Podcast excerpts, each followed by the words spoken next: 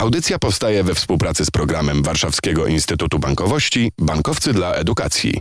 Trzy grosze o ekonomii.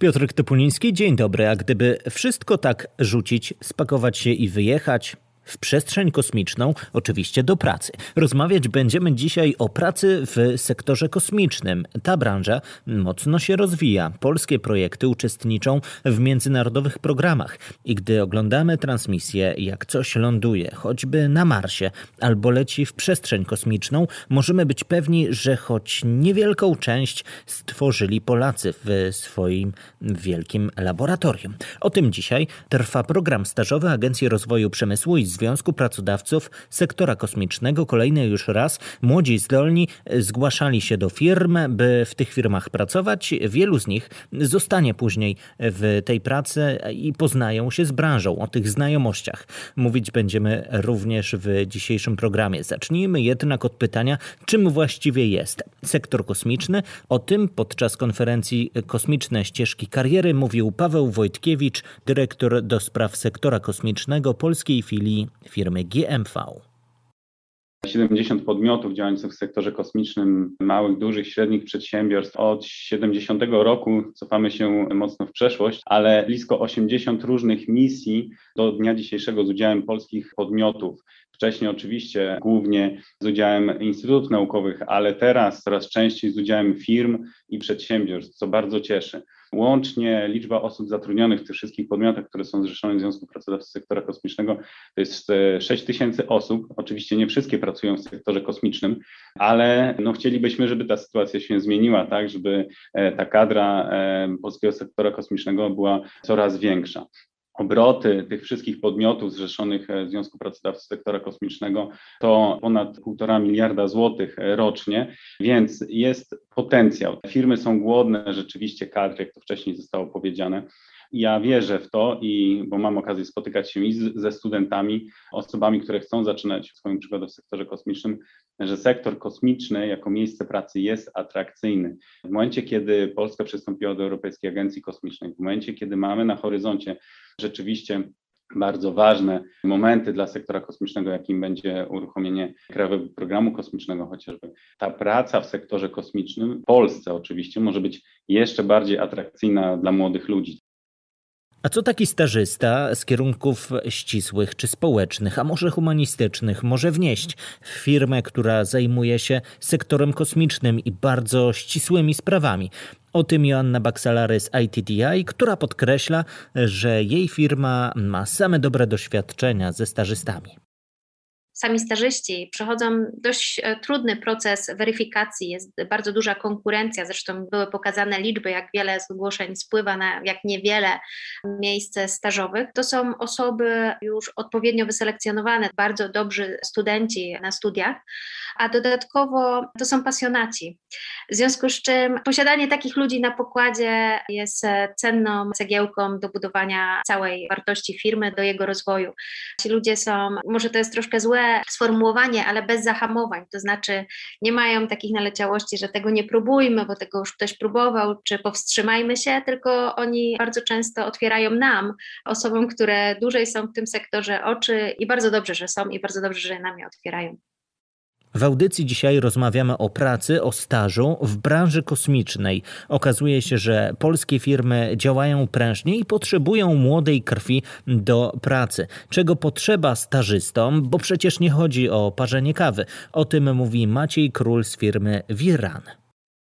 Nie ukrywajmy, że firmom chodzi teraz przede wszystkim o pozyskanie dobrej klasy pracownika, a nie ma nic lepszego jak półroczny test takiego pracownika i wdrożenie go do firmy. Więc jeżeli jest taka ewentualność, to obydwie strony powinny być zainteresowane bardzo mocną, merytoryczną współpracą. Absolutnie przy projekcie nie masz dedykowany. Wiadomo, że jest kontrola danej osoby postępu prac, jest kontrola merytoryki tych prac i tak dalej. To są normalne rzeczy, jak każda nowa osoba w firmy. Wiemy teraz, że specyfika firm jest bardzo różnorodna, technologie co są coraz bardziej skomplikowane, więc firmy realizują naprawdę różne zadania i nawet przechodząc na to samo stanowisko do innej firmy, spotykamy się z dwoma dużymi problemami. Pierwszy problem to wdrożenie do procedur firmy, czyli jak, co, z kim, do kogo, a drugie to zastosowanie dedykowanych technologii, których firma używa do realizowania projektów. Co robią stażyści pracujący w branży kosmicznej? O tym Jakub Bochiński z Creotech Instruments powiedzmy sobie szczerze, w naszych firmach nie jesteśmy jeszcze zachodem, gdzie są gigantyczne firmy, gdzie jest powolna drabinka awansów, przez które pnie się przez 50 lat. Tutaj awansuje się szybko, wskakuje się szybko w, pozycję, że tak powiem, wysokim poziomie odpowiedzialności.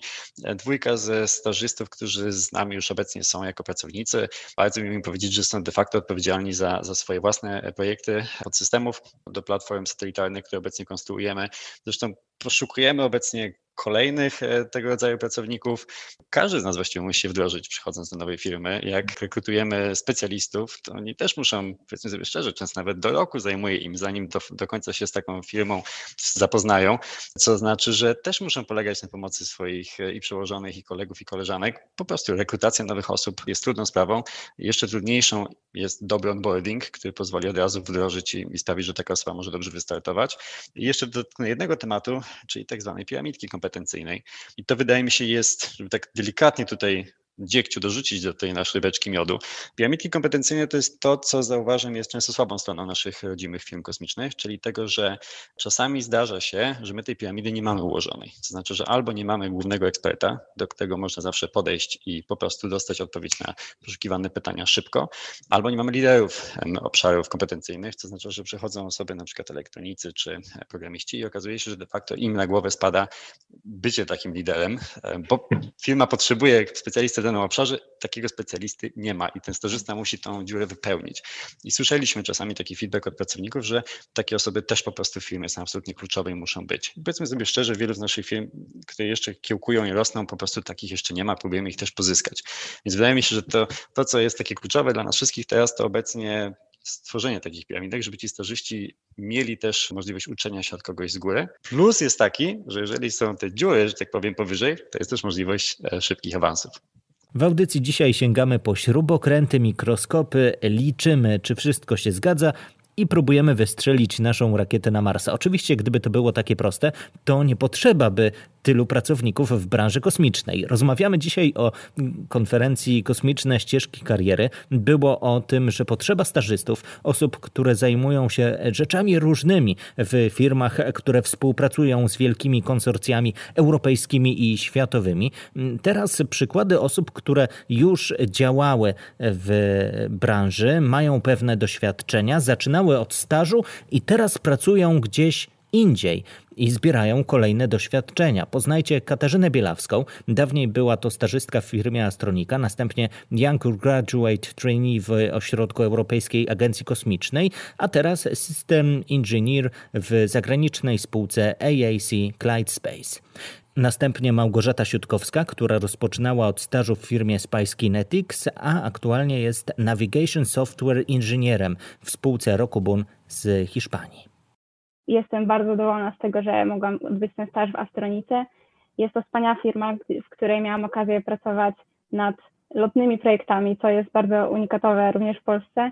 Super doświadczenie też dlatego, że od razu od początku tak naprawdę brałam udział od razu w projekcie wielkiej misji, czyli JUSA i mogłam bardzo wiele się nauczyć. Również po stażu dostałam propozycję zostania w firmie, co również było bardzo, bardzo pozytywne. Na pewno to doświadczenie też pomogło mi zrealizować moje wielkie marzenie, czyli dostać się na staż Young Graduate Trainee w Europejskiej Agencji Kosmicznej. Na pewno był to mocny punkt w moim CV podczas rozmowy o pracę na ten staż i było to też dobrze widziane. Astronika też była znana w zespole, do którego trafiłam, więc na pewno, na pewno to duży plus. Ten sektor kosmiczny jest zarówno w Polsce, jak i na świecie dosyć małym sektorem, więc wszyscy siebie znają i większość projektów jest organizowana w konsorcjach. I to konsorcjach międzynarodowych, więc warto mieć kontakty za granicą, nawet po to, żeby uczestniczyć w jakimś projekcie, co też buduje renomę naszych polskich firm, nawet jeżeli to jest jakaś część tego projektu. I dzięki temu te nasze polskie firmy potem mogą się rozwijać i po prostu mogą być lepiej znane na świecie. Jeżeli chodzi o sam staż, to absolutnie otworzyło mi wiele drzwi i, i tak i to, co zaczęłam, te projekty, które zaczęłam robić trzy lata temu podczas stażu, cały czas gdzieś tam, pomimo tego, że pracuję w innych firmach, cały czas zahaczają o tą samą tematykę. Zachęcam do obejrzenia całej dyskusji podczas kosmicznych ścieżek kariery, bo zadawaliśmy pytania, po co w ogóle praca w tej branży, co się tam robi i co trzeba zrobić, by taką ścieżkę życia obrać. Jesteśmy teraz w czasie, w kiedy decydujemy się na studia. Wielu z Was jeszcze do końca nie wie, co robić po otrzymaniu wyników matur. Być może ta audycja nam pomoże i ta konferencja również. Trzymam za Was kciuki. Zresztą o pracy będziemy na pewno jeszcze rozmawiać w audycji Trzy grosze o ekonomii. Nasz podcast pod tym samym tytułem Trzy grosze o ekonomii warto sprawdzić, obserwować i słuchać. Polecam Piotr Topuliński. Do usłyszenia. Audycja powstaje we współpracy z programem Warszawskiego Instytutu Bankowości Bankowcy dla Edukacji.